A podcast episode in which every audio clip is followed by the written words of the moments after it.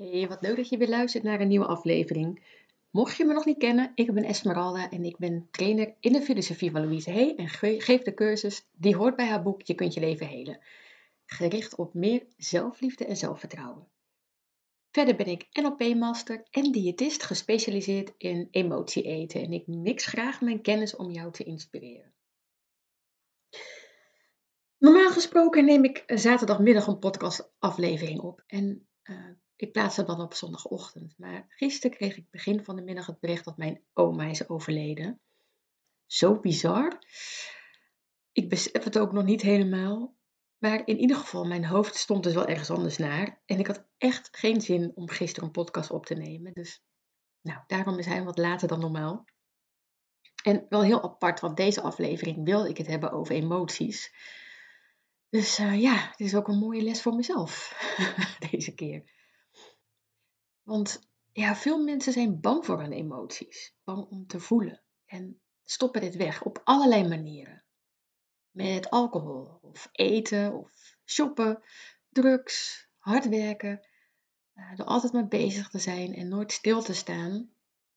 Het is iets wat ik zo vaak tegenkom. Ik, ja, ik zie natuurlijk heel veel emotieeters op mijn spreekuur en die zijn zo gewend om hun emoties weg te eten ja, helaas helpt het niet echt. Want wat je dan doet is vluchten voor je emoties. Ja, ze ontkennen of ze niet willen voelen. Jezelf geen toestemming geven het te voelen. Misschien herken je dit wel bij jezelf. En wat er heel erg op lijkt, en wat ook vaak wordt gedaan, is vechten tegen emoties. Dus steeds maar te zeggen: Ik wil jou niet, ik wil jou niet voelen. En een mooie metafoor hiervoor uh, is uh, ballen die je onder water wil houden. En elke bal staat voor een gevoel wat je hebt. En dit lukt meestal wel aardig. Af en toe komt er misschien een bal naar boven ploppen, maar meestal kan je deze weer snel onder water krijgen. Maar dat kost wel veel energie. Het voelt alsof je constant in gevecht bent met die ballen. En zodra je moe bent of er zijn veel te veel ballen, dan lukt het je gewoon niet meer. Met alle gevolgen van dien, want dan komen alle ballen tegelijkertijd naar boven. Ik geloof dat als je emoties niet goed verwerkt, ze opgeslagen blijven in je lichaam. Ik geloof dat emoties ehm, een trilling hebben, een bepaalde energie. En als jij dit opkropt en binnenhoudt, dan kan dat allerlei gevolgen hebben, zoals bepaalde ziekten. En Louise Hay beschrijft in haar boekje Kunt je leven helen heel mooi wat je kunt doen bij bepaalde ziekten en kwalen. Ehm, en uh, zij beschrijft ook wat de oorzaak hiervan zou kunnen zijn. Nou, zo had ik eens een cursist met zoveel haat naar haar ex-man. Ze kon hem niet vergeven. Dat was onbespreekbaar. En besef goed dat je in zo'n geval heel erg in de slachtofferrol zit. Je voelt je slachtoffer van iemand anders, hè, want die heeft jou van alles aangedaan. En je laat jouw gevoel door een ander bepalen. Dus je vergiftigt als het ware jezelf. En de ander heeft hier dus geen last van. Ik las vanmorgen nog een verhaal van een vrouw wiens zoon was vermoord. Echt super heftig en alle reden om de moordenaar te haten. Toen bedacht ze, hoe zouden zijn ouders zich voelen? Ze heeft contact met hun gezocht en ze is ook een praatgroep gestart met ouders van uh, moordenaars en ouders van slachtoffers. En uiteindelijk is ze de moordenaar van haar zoon in de gevangenis op gaan zoeken en ze heeft hem kunnen vergeven. En op dat moment voelde ze zich bevrijd. Nou, ik vind het zo'n mooi verhaal. Dus denk dus niet dat jou iets is aangedaan wat niet te vergeven valt, want dat kan dus altijd. Het is een keuze.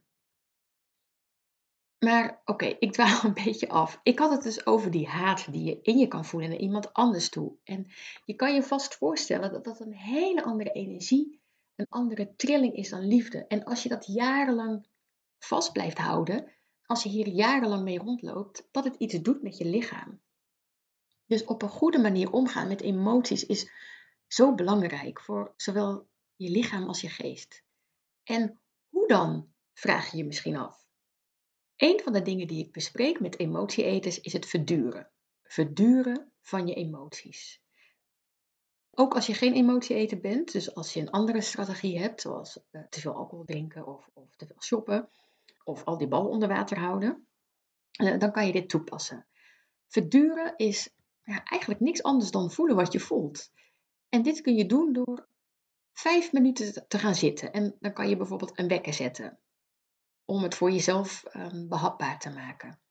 Gewoon zitten in stilte, zonder afleiding. En gewoon te voelen wat je voelt. Klinkt misschien heel simpel, maar voor veel mensen lastig. Omdat ze niet gewend zijn en bang zijn voor wat er kan gebeuren. En weet je, eigenlijk kan er niet zo heel veel gebeuren. Want stel je voelt je verdrietig. Nou, wat is het ergste dat, dat er kan gebeuren? Nou, dan ga je huilen. En nee, het is niet fijn. Ik voel me nu ook enorm verdrietig. Dat is niet fijn. Andere gevoelens voelen ook niet altijd fijn. Eenzaamheid niet. Je machteloos voelen niet. Maar ja, het is nodig. Als je gaat verduren, is het als eerste belangrijk om te benoemen hoe jij je voelt. Dus je gaat stilzitten en je voelt en je benoemt hoe het voelt.